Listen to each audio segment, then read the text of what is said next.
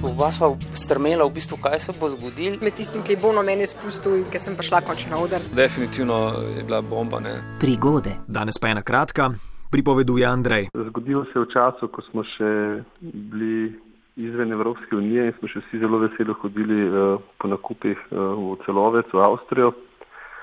In takrat smo vsi izkoriščali možnost vračila davka ob nakupu nad določenim zneskom. Pri vračilu se je bilo seveda treba potruditi vsaj z izpolnjevanjem obrazcev. Seveda si mora zraven preložiti potni list, to sem storil.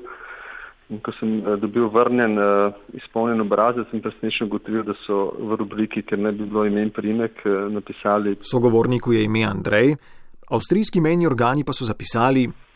Dva ulaza izlaza. Ja. Prav ste slišali. Uh, dva ulaza izlaza, kar me zelo presenetilo, ker se je to ni moje ime. Uh, Ampak odkud jim to?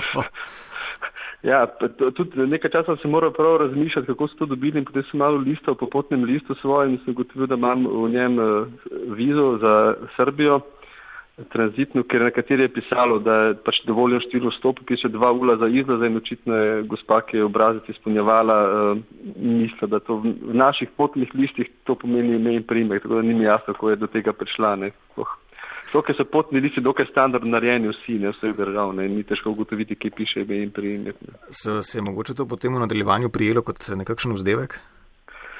Niti ne, no, ker nisem te zgodbe zelo na široko delil, pa tudi zelo, zelo komplicirano zdevek bi bil. No. Kako ste prišli do vzdevka? Prek kakšne prigode? Tudi takšne in ostale zgodbe tipa, a veš, kaj se mi je zgodilo, sprejemam na nejc.jemecaf na rtvslo.si oziroma na ničena 475 2 202.